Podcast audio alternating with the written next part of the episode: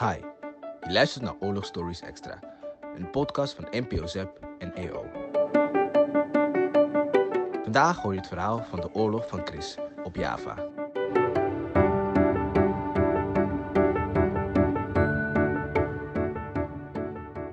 Heeft jouw overgrootoma of opa de Tweede Wereldoorlog meegemaakt?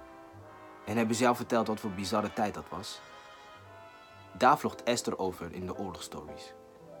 Net zoals Esther waren er natuurlijk nog veel meer kinderen die de oorlog op hun eigen manier meemaakten. En ik ga zo'n verhaal vertellen, gebaseerd op het dagboek van Chris, 13 jaar.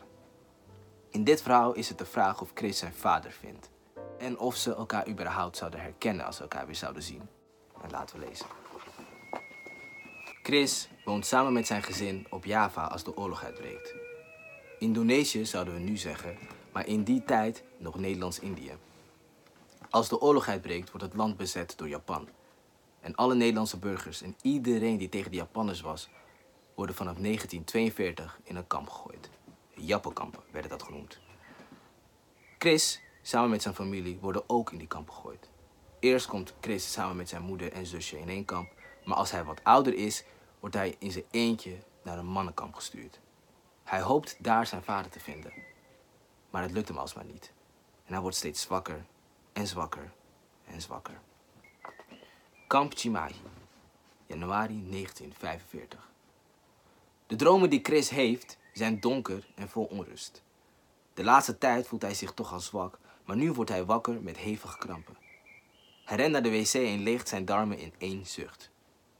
Zijn blik wordt wazig. Hij rilt, meent een stem te horen. Iemand die hem roept.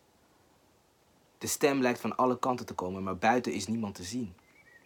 Zwalkend vindt hij zijn slaapmat terug en gaat liggen. Net voor hij wegdoezelt is het of iemand een knoop in zijn darmen legt. Hij haalt de wc net op tijd en loopt opnieuw van onderen leeg. Hij wankelt terug en valt neer. Trekt de deken tot over zijn kin. Ineens is hij ijskoud en gloeiend heet tegelijkertijd. Hij droomt over zijn vader die in het kamp is, op zoek naar hem. Chris schrikt wakker en staat op. Koortsachtig loopt hij van barak naar barak tot Frans hem vindt en terugbrengt naar zijn bed en een koude lap op zijn voorhoofd legt. Hij zakt weg in een koortsachtig slaap, tot hij voelt dat hij wordt opgetild en op elkaar gelegd wordt. Iemand zegt: Naar de ziekenbarak! Er zit een schim naast het bed, die niets zegt, er alleen maar is. Soms is het stoel leeg als Chris wakker schrikt. Dan voelt hij paniek en eenzaamheid, hoewel de oude paardenstal met gammende bedden ramvol is. Langzaam trekt de koortsdromer weg en krijgt de schim een gezicht. Meneer Ko. Hij begint zacht te praten over het beeldje dat hij maakte van de gouden van de god Xiao Xing. Xiao Xing zat tien jaar in de buik van zijn moeder. Hij was oud toen hij geboren werd. Die hij vasthoudt zijn perzieke van het lange leven. Chris moet ingespannen luisteren om de woorden te kunnen ontcijferen. Hij spreekt goed Maleis, maar meneer Ko heeft een zachte stem. Het lange leven? vraagt Chris. Onsterfelijkheid, zegt meneer Ko. We eren hem en vragen hem om een lange leven. S'nachts als we hem zien. Wow, hè? S'nachts? Xiao Xing is een ster. We noemen hem de oude man van de Zuidpool. Het is al de helderste ster aan de hemel. Hij praat verder over de sterren, over China. Als hij zwijgt, vertelt Chris over zijn moeder en zijn zus. Ria over Qing en Krogo en overal een verhaal over zijn vader. Dat hij hem twee jaar niet gezien heeft en niet meer weet hoe hij eruit ziet. Meneer Ko luistert en knikt soms een keer. Zo wordt meneer Ko langzamerhand een vervangende vader voor Chris. Maar Chris verlangt nog steeds naar zijn eigen vader. Zo erg dat hij maandenlang in het kamp blijft na de oorlog. Als alle andere gevangenen zijn weggegaan, blijft hij wachten op zijn vader. De reden waarom hij dat doet is omdat zijn vader destijds uh, tegen hem heeft gezegd: Als de oorlog is afgelopen, zoek mij niet. Ik zoek jou. En daarom blijft hij wachten. Daarom blijft Chris wachten in het kamp. De oorlog is zelfs al lang afgelopen als Chris zijn vader eindelijk weer terugziet. Heb jij de codes gezien tijdens het verhaal? Want die vertellen waarom zijn vader hem helemaal niet herkende na de oorlog. Nou, waarom niet?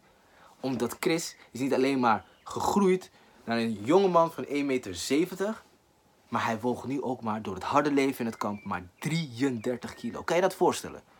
33 kilo. Wat ik uit het verhaal heb gehaald is, zijn twee dingen. Eén, blijf sterk, geef nooit op. En maakt uit wat, wat voor moeilijke tijd er is, wat voor moeilijke tijd je doorheen gaat. Er is altijd licht aan de tunnel. En dat kan ik uit Chris halen. Chris blijft doorgaan, vechten, zoeken naar zijn vader. Ook al zegt zijn eh, lichaam en alles wat, alles wat tegen kan zitten, zat tegen. Maar hij bleef gewoon nog steeds zoeken. En hij vond zijn vader. De tweede ding is, love thy neighbor. Omdat ehm, meneer Cole hoefde Chris niet te helpen. Maar dat heeft hij wel gedaan. En doordat heeft Chris uh, de oorlog overleefd en zijn vader weer terug, teruggezien. En uh, ik denk dat, dat, dat je dat altijd uit kan halen. Is dat, um, maakt uit wat voor moeilijke tijd. Denk niet aan jezelf. Denk ook aan de ander. En dat, uh, ja, dat heb ik eruit gehaald. Maar oké, voordat je weggaat dan, nog even een vraag.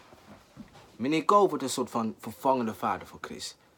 Maar Chris blijft zijn echte vader missen. Snappen jullie dat? Kan iemand die geen familie is, maar die wel voor je zorgt en voor je klaarstaat en je helpt in moeilijke omstandigheden, echte familie vervangen? Of is dat onmogelijk? Kan familie nooit vervangen worden? En make sure to check the oorlog stories out van Esther. Peace. Meer oorlogstories extra horen? Luister in je podcast-app of ga naar de oorlogstories op de website van ZEP.